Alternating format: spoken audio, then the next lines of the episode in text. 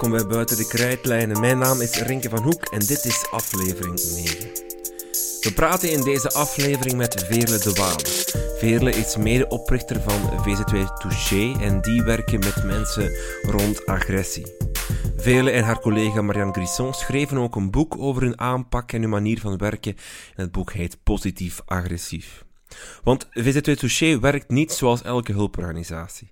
Ze pakken agressie als probleem aan en proberen daar de kracht tegelijkertijd van in te zetten.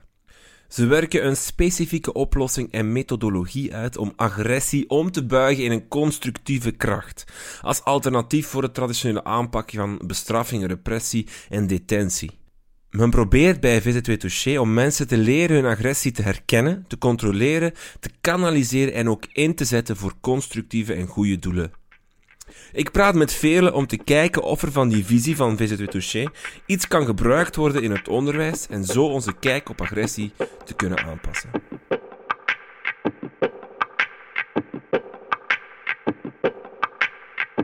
Dag Veerle de Walen. Goedemiddag. Alles goed? Alles in orde. Perfect. Agressie, daar gaan we het vandaag over hebben. Waarom praat ik met jou? Jij werkt met VZ2 uh, Touché rond agressie. Jullie hebben een specifieke uh, visie. Ik wil even kijken wat dat die visie is en of dat we die kunnen implementeren of gebruiken of, of van leren in het onderwijs eigenlijk. Uh, maar voor we beginnen misschien even bepalen, wat verstaan we onder agressie? Uh, ik vind dat een heel interessante vraag. Ehm, omdat ik, er zijn verschillende manieren om naar agressie te kijken. Hè. We zouden bijvoorbeeld een bepaalde definiëring kunnen hanteren die wetenschappers voor ons al bepaald hebben. Of wat we ook zouden kunnen doen is een opsomming maken van allerlei soorten agressie. Hè. Nu, eh, ik zou willen pleiten om dat net niet te doen, omdat dat groot maakt wat wij graag klein willen houden. Hè. Um, namelijk, wij willen graag in dat begrip een verbreding realiseren die naast de schadelijke kant van agressie, die op dit moment, agressie wordt vaak zo gedefinieerd, willen wij daar ook een verbreding realiseren. En hoe, willen we dat doen? Hè? We, we, houden daarvoor een pleidooi om op zoek te gaan naar de meest nuttige betekenis van dat begrip. En een kijk die ons zo wat brengt naar, naar um, oplossingen in plaats van schade, hè, zodat dat positieve die daar ook in zit, meer ruimte kan krijgen. Want dat is zo, de agressie het schadelijks heeft, maar dat heeft, er zit daar ook een component in dat een, een bepaalde kracht in zich heeft. Hè. En in plaats van die schadelijke gevolgen heel groot te maken, of wat dat schadelijk gedrag uh, ook doet, hè, um, willen we net op zoek gaan naar hoe dat we die kracht die daarin zit groter kunnen maken, veel, veel meer body kunnen geven om dat positief te kunnen inzetten. En dan zie je de agressie iets anders wordt. Dan kan dat ook een kracht worden, dan kan dat voor groei zorgen, dan kan dat voor innovatie en vooruitgang en verandering zorgen. Want zonder dat deel in agressie heb je geen vooruitgang. Dus als je mij vraagt wat is agressie, dan zou ik willen vragen, dan, dan denk ik, verlaten wij dat pad van het de problematische vertaling en voegen wij daar dat element van kracht aan toe. Ja, want als, je, als, als, je, als ik denk aan agressie, dan denk ik eigenlijk aan geweld. Ik verwar die twee begrippen, denk ik dan. Ik, ik zet ze gelijk terwijl ze eigenlijk helemaal niet zijn. Agressie is een gevoel of, of een, iets wat je in je voelt en geweld is daar een uit, of kan daar een van de, is een van de uitingen daarvan? Moet ik het zo een beetje zien? Kwaadheid bijvoorbeeld is, is bijvoorbeeld een van de voornaamste emoties in agressie of onder agressie. Er, er zijn daar verschillende dingen in. Frustraties kan daar ook bij horen, onmacht. En dat kan uitmonden in geweld. Dat is dat schadelijk stuk dat dan groot wordt. Maar ik hoor, het is uh, de tijd van de tennis, uh, van de Fed Cup. Ik hoor uh, gisteren David Coffin zeggen, ik heb heel agressief gespeeld, het was, het was supergoed. Waarin hier wordt, en in voetbal hoor je dat ook wel vaker, we waren niet agressief genoeg dan denk ik niet dat de bedoeling is dat ze op elkaar gezicht gaan slaan, maar dat ze dan uh, die positieve agressie gebruiken, dat neem ik aan. Absoluut. Hè. Die, die agressie die zetten in beweging en die brengt ze naar het doel dat ze naartoe willen. Hè. Dat ze de wedstrijd winnen. En ze hebben zo'n bepaalde energie nodig om dat te kunnen realiseren. En daarover, denk ik, spreken de topsporters als ze, als ze zeggen van uh, we, we hebben agressief genoeg gespeeld of het mocht wat meer. Ik denk dat we het daar dan over hebben. Dan zitten we eigenlijk bijna ook bij een soort van motivatie bijna. Dat, dat agressie een soort van motivator kan zijn.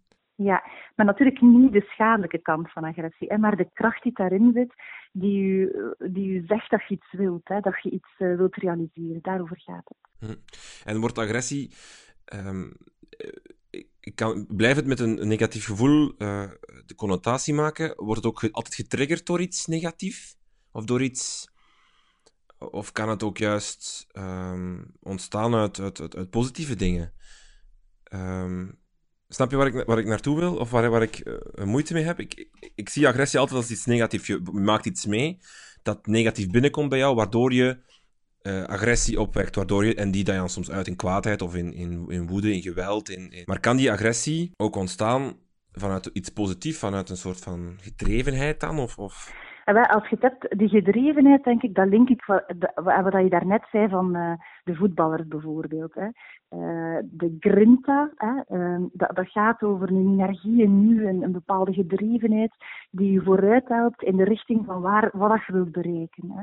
Het is ook mogelijk dat er, dat er de, de dingen overkomen die je heel moeilijk vindt, waar je het lastig mee hebt, en waardoor dat je lastige gevoelens krijgt. En dat kan dat ook ehm, een bepaalde energie uh, opwekken. En dan denk ik, en dat is ook wat we proberen doen bij Touché, is het van belang dat je op zoek gaat of dat je eh, leert um, um, begrijpen bij jezelf van wat gebeurt er hier bij mij, om daar een betekenis aan te geven. Hè. En in ons model hebben we dat ge, genoemd in de eerste twee fases. Hè, is het, het installeren van, van een barometer en van een thermostaat. Hè. En bij het installeren van een barometer gaat het erom dat je, net zoals een barometer doet, dingen leert opmerken bij jezelf. Als je merkt van oei, ik begin het hier wel lastig te krijgen met dingen, is dat je manieren zoekt hoe dat je um, die last wat kunt kwijtgeraken, om dan eigenlijk opnieuw te gaan bijsturen. Dat is ook wat een, een thermostaat doet. Hè. Een thermostaat die zorgt ervoor dat je uh, bijregelt. Hè. En bijvoorbeeld jongeren oefenen dan in hoe dat hun eigen gedrag kunnen leren controleren en bijsturen. Hè. Dat, we doen dat bijvoorbeeld in de begeleidingen die we doen door helpende, rustgevende gedachten en handelingen op te roepen, of door gewoon nieuwe manieren aan te leren om rust te realiseren. En wat gebeurt er dan als je merkt bij jezelf van oei, ik ga hier naar een kookpunt, mijn, mijn, mijn thermometer ga hier naar een temperatuur die niet goed is, ik moet hierbij sturen, dan zoeken wij met jongeren en met volwassenen naar hoe dat ze naar een energie naar een, een, goed, een goed niveau kunnen krijgen, zodanig dat ze opnieuw kunnen functioneren of kunnen functioneren, daarom moet het niet opnieuw te zijn, op, op een manier dat goed is voor zichzelf en, en in relatie met anderen. Hm. Dus eigenlijk een soort van metacognitie kunnen inschatten uh, oei, ik word hier, uh, mijn barometer stijgt, ik, ik, ik, uh, het gaat hier de verkeerde kant, is eigenlijk cruciaal om... Ja, je merkt dat ook. Ja, dat, maar dat kunnen opmerken is eigenlijk een belangrijk aspect om je agressie uh, te kunnen controleren of daar, daar uh, goed mee te kunnen omgaan. Wat, dat is een van de elementen die helpen om uh, uw, uw, uw, agressie of, of ja, wat er in u gebeurt te leren erkennen en herkennen en, en controleren en uiteindelijk ook kanaliseren. Ja, dat is een van de elementen. En sommige mensen doen dat. Hè. Vaak is het zo dat als we mensen praten over wat zij nu al doen, dat bijdraagt tot het uh, installeren van een barometer bijvoorbeeld, dat je merkt dat er heel veel dingen zijn die in de goede richting helpen. Hè. Um, en dan proberen we die gewoon uh, verder te verkennen en er nog uh, andere dingen naast te plaatsen, zodanig dat mensen over een breder scala, een, een, um, een grotere variatie beschikken om op momenten dat, dat ze daar dingen in merken uh, uh, te kunnen op reageren. Hè. Ja, want dat is misschien ook zoiets. Je zei, mensen doen dat. Uh, een illusie die we misschien hebben is dat niet, je zelf misschien niet agressief bent, of je noemt jezelf geen agressief persoon, maar iedereen is eigenlijk agressief of heeft agressie in zich. Ja, dat is iets wat wij zeggen. Hè. Agressie dat is niet iets van een bepaalde groep mensen. Agressie dat is iets van iedereen, dat is iets van u en van mij. Plus, het is ook iets dat deel uitmaakt van ons leven. Dat is er niet nooit of dat is er niet alleen nu. Dat is iets dat niet alleen van deze tijd is. Het is er gewoon altijd al aanwezig geweest. Hè. En bovendien zeggen wij ook, uh, agressie dat is geen individueel probleem. Dat is iets wat zich voordoet tussen mensen. En dus betekent dat dat de oplossing voor agressie niet bij, dat, bij mens alleen ligt, maar veel breder op een maatschappelijk niveau. Hè. En dat is eigenlijk ook goed nieuws, want dat wil zeggen dat wij allemaal kunnen ja, op, op een positieve manier bijdragen uh, op dat vraagstuk. Hè. We hebben iets van allemaal nodig om daaruit te geraken. En als er dan agressie is, of als ze dan zien of observeren dat, dat, dat er agressie is, dan denk ik is um, in plaats van het te gaan bestrijden als een ambetant iets of als een vervelend neveneffect van andere problemen, um, zouden we ervoor voor pleiten om, om het de plek te geven dat verdient. Hè, door de energie die daarin zit vast te pakken en te bekijken. Hè. En dan bijvoorbeeld door hè, kwaadheid, zoals ik daarnet zei, als een van de belangrijkste emoties in agressie, te zien als een emotie die het signaleert. Als iets dat ons zegt van, hé er is er iets heel belangrijk aan dan. Hè. Je zou dat bijna kunnen omschrijven als een wens in een vurige verpakking. Hè. Want en, dus als iemand dan kwaad wordt, dan roept dat bij mij iets op van oela, er is er iets belangrijks aan de hand, er is er iets heel krachtigs dat speelt bij die mens. En het is beter dat we dan een keer proberen zien wat er daaronder zit om, uh, om voor te kunnen. Hè. Een voorbeeldje is bijvoorbeeld een baby, um, die heeft ook veel kwaadheid. Hè, want een baby die nooit kwaad is, die gaat geen stapjes vooruit zetten en die gaat bijvoorbeeld niet leren kruipen of lopen. Hè. Of een kleuter die uh, leert fietsen. Het is ook de kwaadheid die hem terug op die fiets krijgt. Hè. Of uh, uh, het ontstaan van de burgerbeweging, dat is ook een gevolg van een soort collectieve kwaadheid. Hè. Je ziet in al die voorbeelden dat kwaadheid zo wat van, van mogelijke veranderingen herbergt. Hè. En um, vandaar dat wij zeggen, ja, agressie, dat, dat is iets dat, dat iedereen heeft. En dat, dat, het goede is dat dat ja, kiemen van verandering in zich draagt. Er wordt wel eens gezegd hè, van, van als er iemand uh, een, een, daad van agressie stelt, uh, um, geweld pleegt, of dat, dat dat eigenlijk een soort van een roep om aandacht is of een roep om, om hulp is eigenlijk. Dat, dat klopt dan eigenlijk wel voor een groot deel. Of toch dat er iets meer achter zit dan enkel ik, ik ben een slecht mens of zo. Ja, maar ik, ik moet zeggen, in, um, in de jaren dat Lucie ondertussen werkt, um, hebben wij nog nooit iemand tegengekomen die uh, resoluut en heel vastberaden zegt uh, of, of uh, kiest voor agressie. Iemand die zegt van dat helpt mij echt om mijn doelen te bereiken, mijn talenten komen daarmee tot uiting, ik voel mij daar heel goed bij. We hebben die mensen nog nooit ontmoet. Hè. We hebben wel al mensen ontmoet die ehm, in de ogen van de samenleving dingen gedaan hebben die ja, die eigenlijk niet oké waren die en, en die, die eigenlijk gewoon ook onbetrouwbaar geworden waren in de ogen van de samenleving. Hè. Um, maar in al die verhalen merken we dat er één constante zit, namelijk um, dat agressie voor hen op dat moment de enige uitweg was. Hè. Of dat, dat het schadelijk gedrag de kop opsteekt op momenten dat mensen geen andere opties meer zien, geen andere keuzes meer kunnen maken dan de uitweg van agressie. En dan is agressie op dat moment bijna de, de best denkbare oplossing. Hè. En eh, om, je kan dat even goed omdraaien. Hè. Eh, het, schadelijk um, gedrag dat neemt af naarmate dat um, uh, mensen respectvollere keuzes kunnen maken. Als ze meer de persoon kunnen zijn die ze graag willen zijn, dan vervalt de behoefte aan een gezond en schadelijk gedrag. En dat is cruciale informatie in hoe dat we daarmee kunnen omgaan. Hè? Want als we een switch maken, als het over agressie gaat, om, om veel meer contact te maken met die mens, om vanuit die relatie te gaan zoeken wat iemand anders wilt, dan zijn we een, een veel constructiever pad ingeslagen. Hm. Is dat een, een, samenvatting bijna van, van hoe jullie werken? Van, um, het is natuurlijk niet, niet altijd goed om, om dingen zomaar samen te vatten of, of in een paar zinnen, maar um, dat agressie is een gebrek aan keuzes en we moeten proberen dat de persoon die uh, agressie heeft, meer keuzes heeft, zelf ziet dat hij meer keuzes heeft dan enkel uh, kwaadheid of, of geweld. Um... Ja, ik denk dat dat absoluut een van de betrachtingen is. De rode draad en alles wat we doen, is zoeken naar manieren om keuzemogelijkheden te verbreden in ons hoofd en in ons gedrag, waardoor dat we breder kunnen omgaan met de realiteit die ons tegemoet treedt. En dat klopt dat dat inderdaad een, eh, een, rode draad is in het werk dat we doen. Dan komen we misschien bij het, volgende punt, namelijk uh, de maatschappij heeft wel zoiets van geweld, dat moet bestraft worden, dat, met, dat moet met repressie beantwoord worden, dat moet gestraft worden, die mensen moeten opgesloten worden. We zitten uh, nu volop weer in de, met de rellen in Brussel. Je leest dan heel veel tweets van, van politici, van mensen die zeggen, kijk, dat, dat gebeurt er nu als je geen repressie hebt, als mensen gewoon maar vrij kunnen rondlopen. Um, volgens jullie is dat een volledig foute denkwijze, neem ik dan aan. Wat we zien is dat straffen, dat zorgt er niet voor dat er geen agressie meer is. Dus ik denk dat het een illusie is als we mensen gaan straffen, dat agressie verdwijnt. Hè. Um, wat, wat, doet een straf wel? Een straf is een reactie op, op een grens die overschreden wordt. Hè. En we zeggen als samenleving van eigenlijk tolereren we dat niet. En de mens die iets gedaan heeft, hè, die leert dat hij iets niet meer mag doen. Hè.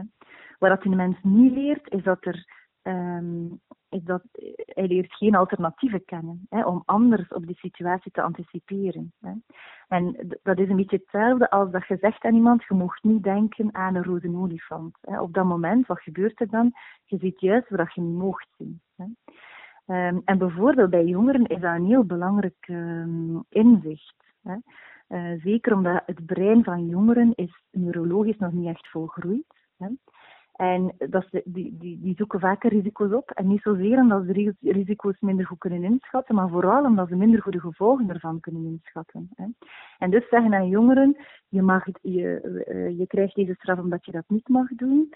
Wat zeggen we dan? Je, je toont een grens aan, maar je leert hen geen alternatief kennen. Je neemt eigenlijk een keuze weg nog. Ja, ja, dat klopt. De straf die toont een grens aan en die perkt in. Hè, dat klopt.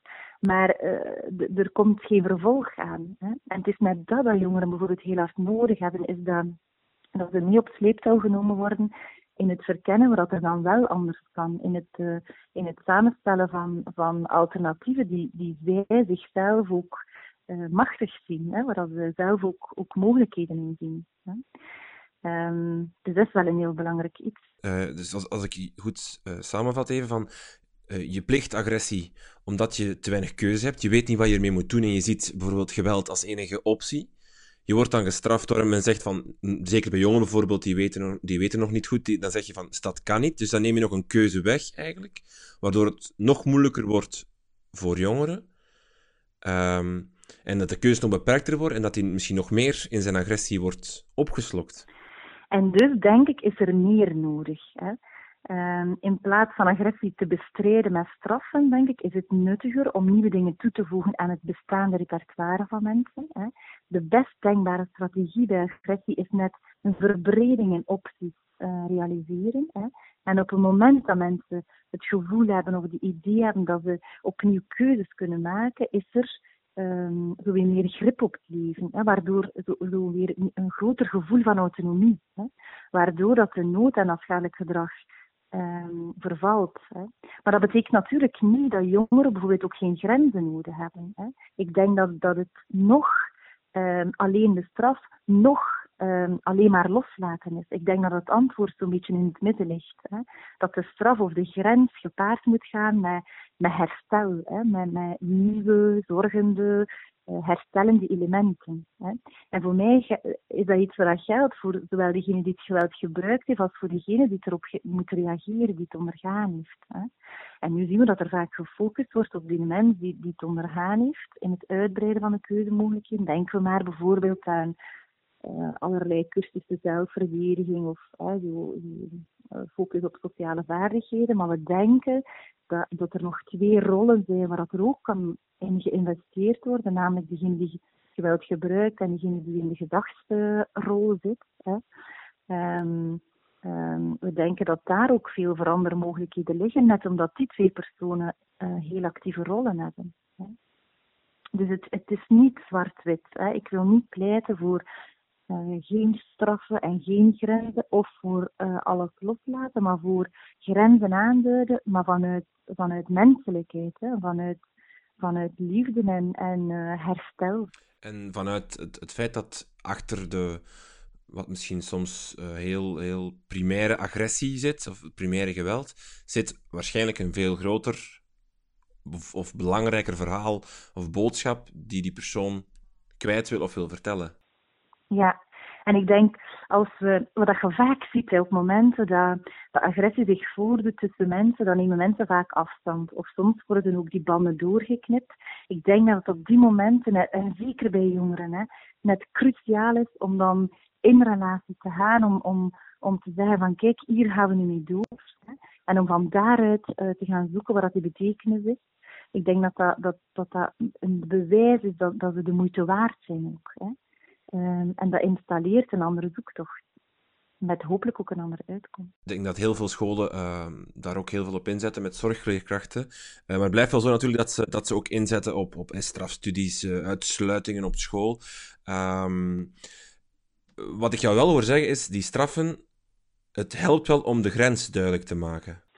Wat is te zien hoe dat je een straf definieert. Als je een straf ziet als ehm, iemand die zegt, um, je bent een grens overschreden, um, dan denk ik dat die moet gepaard gaan met het verbreden van de keuzemogelijkheden. Ik, ik pleit niet om, om eh, hele zware straffen toe te voegen aan het repertoire. Maar grenzen zijn nodig bij jongeren. Maar evengoed hebben ze ook nood aan iemand die met hen kijkt naar wat ze dan anders kunnen doen dan het uh, gedrag dat ze daarvoor gesteld hebben, om toch uh, iets aan te vangen met wat ze wel bij zichzelf merken. Want het is niet weg hè, wat er daar zit bij die jongeren op het moment dat de grens wordt aangeduid dat is wat, we misschien ook vaak denken van hij heeft nu die, dat geweld gepleegd, hij wordt gestraft, het is opgelost, maar in principe is er voor de persoon die de daad gedaan heeft nog niets gebeurd, er niets opgelost, niets. De reden waarom hij dat doet zit daar nog altijd. Daar gaan we misschien ook te snel aan voorbij.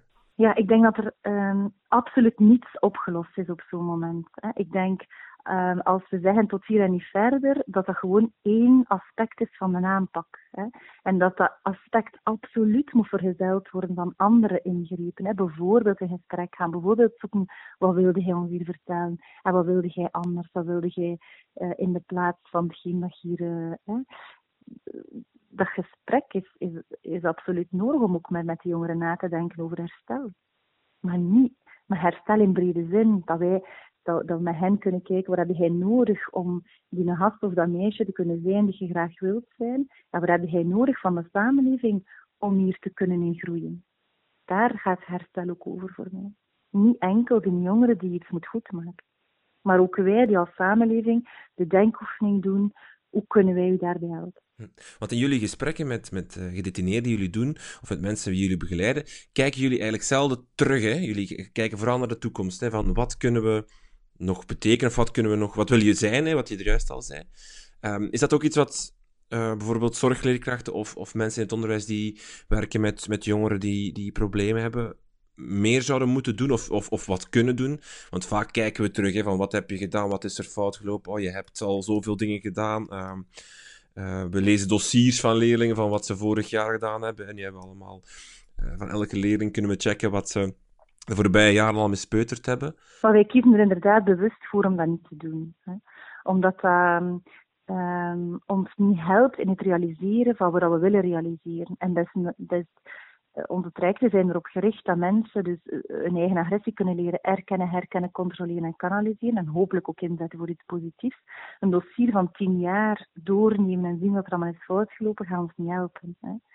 Uh, bovendien... Doen jullie dat? Lezen jullie nee, we doen dat niet. dossiers van, van de mensen? Uit eigen beweging doen we dat niet. Hè. Maar stel dat, dat mannen die we in begeleiding hebben zeggen van ik zou toch graag dat dossier met jullie willen doornemen, dan gaan we wel met hen kijken hoe dat, dat nuttig kan zijn in functie van de doelen die ze willen bereiken. Hè. Um, dus vanuit eigen beweging niet, maar als mensen dat op ons bord leggen, dan kijken we wel hoe kan dat hier nuttig zijn. En dan is dat de denkoefening. Nu, er is nog een andere reden waarom dat we dat ook doen, Rinke. Hè. En dat heeft te maken met het feit dat we groter willen maken. Um, we willen groter maken. Um, we willen eigenlijk mensen terug zo wat meer in verbinding brengen met de dingen die ze eigenlijk al redelijk oké kunnen. Hè. Uh, en we willen uh, die gewenste toekomst of, of hoe dat we willen evolueren ook veel groter maken. En dat helpt dan niet door, door telkens terug te keren naar de dingen die fout zijn gelopen. Hè maar door net de uitzonderingen op de problemen groter te maken. Want daar zitten, zitten uh, dingen die we eigenlijk al goed kunnen. Daar zitten er uh, bronnen in waar we kunnen uitputten om vooruit te geraken. Daarom doen we dat zo. En ook omdat iemand niet samenvalt met de feiten die hij gepleegd heeft. Dat is een deel in zijn leven. Maar hij is nog veel meer dan dat, of zij is nog veel meer dan dat. Valt dat ook een beetje zo onder een soort van self-fulfilling prophecy? Als je zegt tegen een leerling bijvoorbeeld, jij bent een probleemgeval, met jou heb ik altijd last, dan zal die zich daar ook automatisch bijna naar gedragen de volgende lessen of de, de, de volgende uren. En terwijl als je zegt van je bent veel meer dan die ene daad of dat ene slechte lesmoment hier of die op e-, enige ene uitbarsting van agressie, dan is er veel meer mogelijk. Ja, en die boodschap, als je dat uitdraagt in communicatie naar leerlingen, dan ontstaat er wel iets. Hè? En dan, dan, dan, dan suggereer je daar um, iets, iets anders mee dan de eerste boodschap. En daar kan je veel verder mee gaan. Ik las over laatst in een boek over de relatie leerkracht-leerling, dat als die eenmaal um, een beetje verzuurd is of, of, of slecht gedraaid is door een aantal foute ervaringen, dat het heel moeilijk is om die terug um, recht te trekken. Omdat uh, leerlingen vertrouwen leerkrachten niet meer omgekeerd. Um, helpt het dan om, om op zo'n moment net dat te doen? Wat, wat, uh, de, het gesprek aan te gaan en niet meer terug te kijken, maar, maar vooruit te kijken en het, en het vooral te verbreden? Um, ja, en ik denk, um, het, het, zou, het zou ook wel jammer zijn om te negeren wat er, wat er daar allee, gespeeld heeft. Hè. Maar we kunnen dat op verschillende manieren bespreken met mensen. Hè. We kunnen dat probleem um, daar leggen en, en, en, en zoeken uh, hoe dat we daarover kunnen of, of wat we daarmee kunnen, zodanig dat we vooruit geraken. Hè. Want um, het is ook geen model natuurlijk dat, dat bang is van problemen of dat problemen geen, geen bestaansrecht heeft. Wel in tegendeel. Hè. Alleen gaan we niet het probleem in de duizend lagen gaan verkennen, maar gaan we zien wat iemand daarvoor in de plaats wil. En hoe dat iemand uh, terug op het spoor kan komen. En dus als je dat toepast op die situatie, dan zou je kunnen zeggen, oké, uh, we gaan dat probleem er niet uit de weg, maar we leggen dat daar en we bekijken met alle partijen wat zij nodig hebben, uh, van elkaar, maar ook van ons, um, om hier terug stappen in te zetten. Want dat is ook waar dat leven om gaat. Hè. Je, komt, je komt in je leven verschillende mensen tegen waar dat, ja, met sommige mensen gaat het goed, met andere mensen loopt het eens wat moeilijker. En het is op die momenten dat, dat het dan goed is dat je over um, meer dan één allee, uh, alternatief beschikt om daarop te anticiperen. En dus is de band stopzetten, um, dat kan een uitkomst zijn, maar uh, er zijn nog zoveel andere stappen daarin ook te bedenken. En ik denk dat dan een, een herstel, uh, zo wederkerig, um, uh, actief herstelproces daarin wel een, een piste kan zijn. Je vertelde daar straks al van jongeren, hun hersens zijn nog niet volgroeid, dus hebben nog niet de tools om goed om te gaan met agressie. Um, lukt het hen dan om, om aan die metacognitie, om aan, aan die barometer te checken? Um, om dat goed te doen. En als ze dat niet doen, hoe, hoe, hoe, lossen we dat dan op? Hoe kunnen we dat dan... Want ze hebben in principe die hersencapaciteit daar nog niet voor. Allee, of die volgroeiing van die hersenen, ik zal het zo zeggen. Nu, het feit dat dat zo nog in ontwikkeling is, betekent eigenlijk dat er een revolutie aan de gang is in het hoofd van jongeren. Hè. En dat is eigenlijk goed nieuws, want dat betekent dat nog alle kanten uit kan. Hè. Um, en op het moment dat jongeren bij ons komen en, en um, dat, we, dat we met hen zoeken hoe dat ze, um, allee, op, uh, hoe dat ze daarin een proces kunnen afleggen, dan, dan, doen we dat net zoals dat we bij mannen in de gevangenis aan de slag gaan. Alleen uh, meer toegespitst op hun leeftijd. En dan werken we misschien wel vaker met minder verbale technieken of uh, gaan we, meer, allee, we, gaan gewoon meer aansluiting zoeken bij de, bij de ontwikkelingsleeftijd van de jongeren. En om van daaruit dan die weg te gaan afleggen. Maar veel jongeren hebben daar manieren, ook, kleine kinderen, hè, hebben daar, uh, die voelen bij zichzelf wel dat er meer spanning in hun lichaam komt, bijvoorbeeld. Hè. Alleen hebben ze daar niet altijd de woorden voor, maar dan, dan zoeken we daar manieren voor, zodanig dat ze daar ja, uh, dat ze dat meer gezegd krijgen ook. Hè. Uh, jullie hebben ehm, ook een project voor jongeren. Jullie gaan naar scholen met een aantal gedetineerden die uh, een project mochten uitwerken. Om, om, omdat na een, een, begeleiding van jullie worden ze eigenlijk een beetje uh, ervaringsexperten in, in agressie. En hebben ze zelf gekozen om een project op, te zetten voor jongeren, om, om jongeren uh, ja, te helpen, zal ik maar zeggen. Het, het project heet Binneninzicht. Het is een, een, een, documentaire die jullie tonen, met getuigenissen bij en, en een beetje methodisch luik over agressie. Um, uh, hoe reageren jongeren als jullie daar, uh, dat laten zien en die getuigenissen horen? Wat zijn zo reacties die je ervan krijgt? Uh, er zijn verschillende reacties. Hè. we merken dat de thema's die in het documentaire aan bod komen, en zeker bij de getuigenis van de ervaringsdeskundigen, dat die thema's binnenkomen. Je ziet dat dat mensen bougeert, dat dat de jongeren zo beroert. Um, wat ik ook merk, is dat ze, voelen dat een beeld over mensen die foute dingen gedaan hebben, ernstig doorheen geschud wordt. Hè. Het zwart-witte gaat weg, neem ik aan. Ja, ja het beeld dat we hebben van, van mensen die bijvoorbeeld uh, zware feiten plegen, dat, dat zijn bijna monsters geworden. Hè. Uh, maar als ze dan een ervaringsdeskundige bezig horen over, over het feit dat hij, hij of zij lacht om dezelfde dingen als waar zij om lachen, als iemand die ook gewoon uh, nog dingen verlangt van het leven, als iemand die ook hele um, herkenbare dingen wenst, dan zie je dat, uh, dat er zo, ja, dat, dat mensen, ja, ze zijn een beetje vertwijfeld. Hè.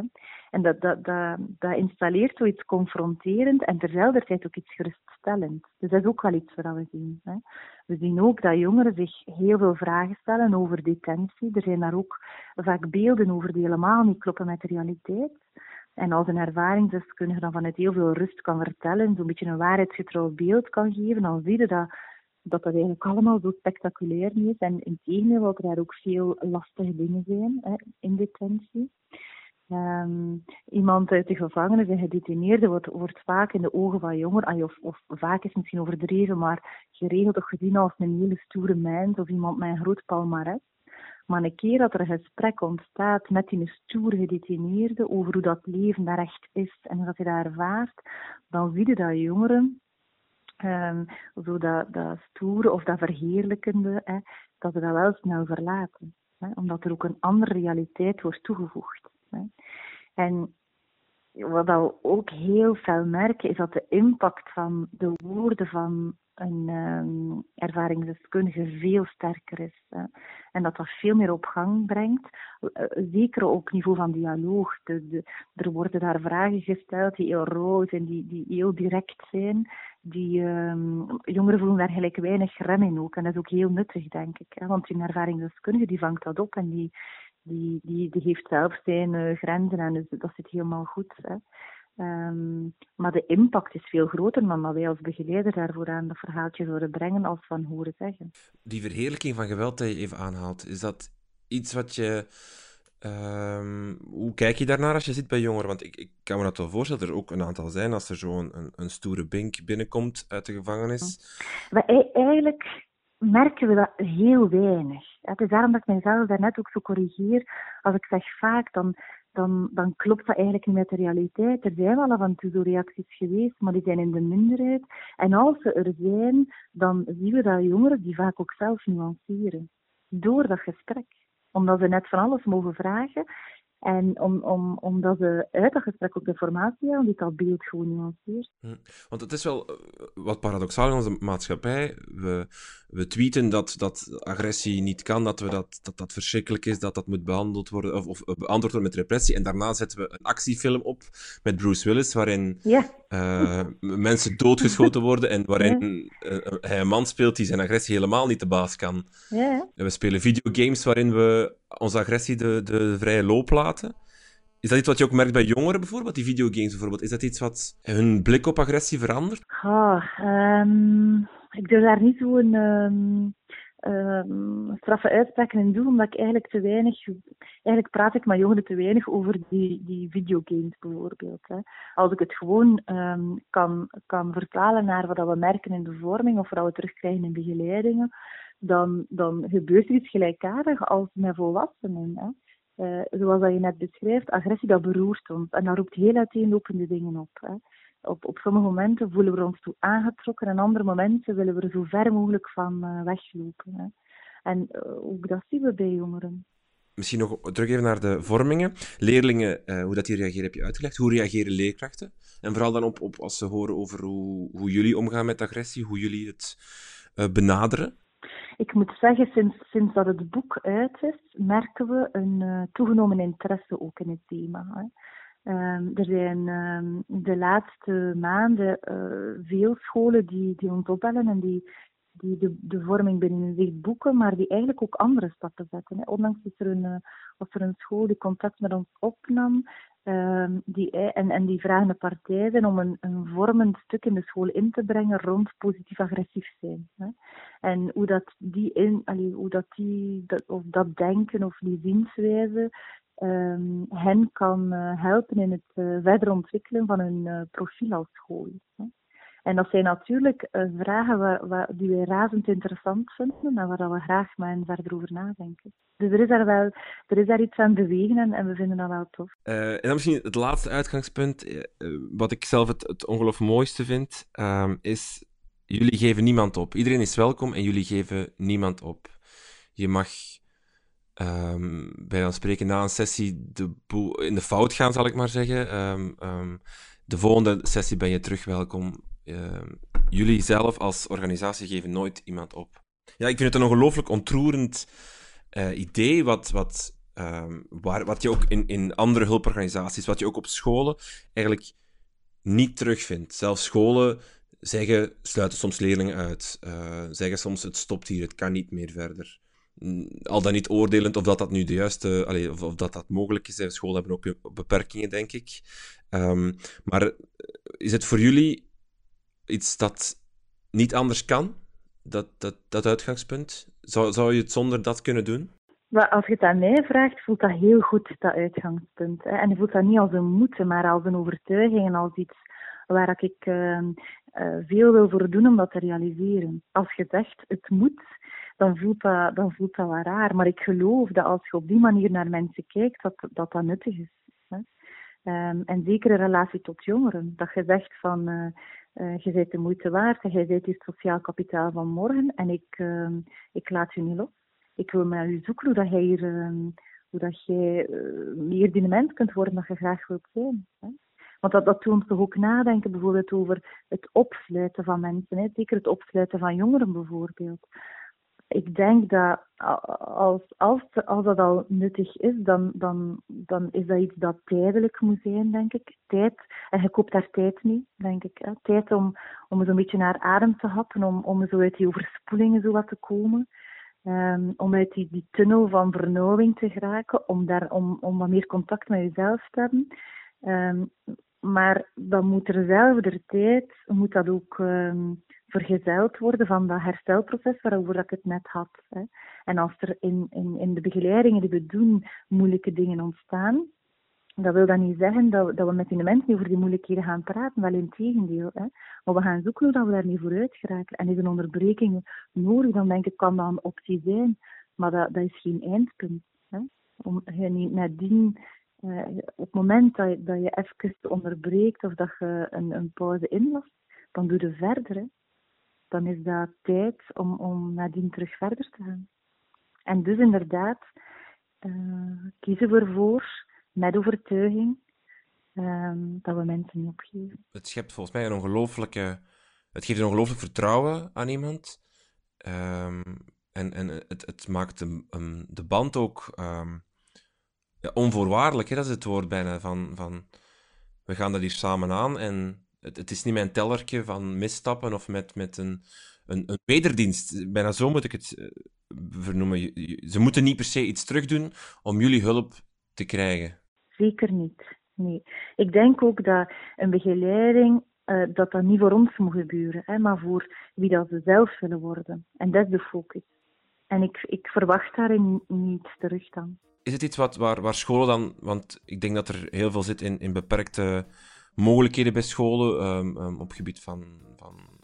Ja, ik denk dat leerkrachten en, en zorgbegeleiders maar zoveel tijd hebben om zoveel dingen te kunnen doen, dat het soms misschien echt geen andere optie is dan bijvoorbeeld iemand uit te sluiten of op te geven.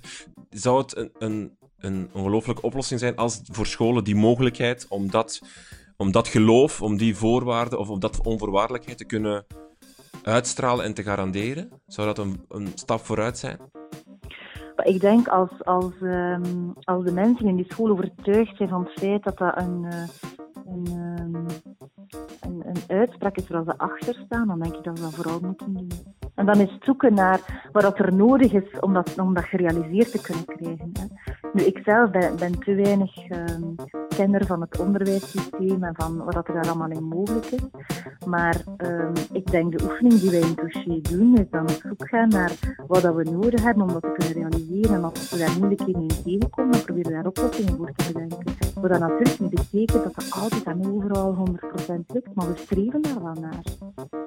En op momenten dat we daarin aardeling merken of, of een keer iets, iets, moeilijk tegenkomen, dan zijn we er wel voor elkaar om elkaar daarin te bevragen en in die richting uh, terug op spoor te brengen. Ja, fantastisch project, uh, Touché VZ2 in jullie werk. Uh, Vele de Walen, heel veel dank voor de uitleg, voor jullie visie rond, rond agressie. Ja, het boek Positief Agressief is echt een, een must-read, denk ik. heel veel dank. Ook.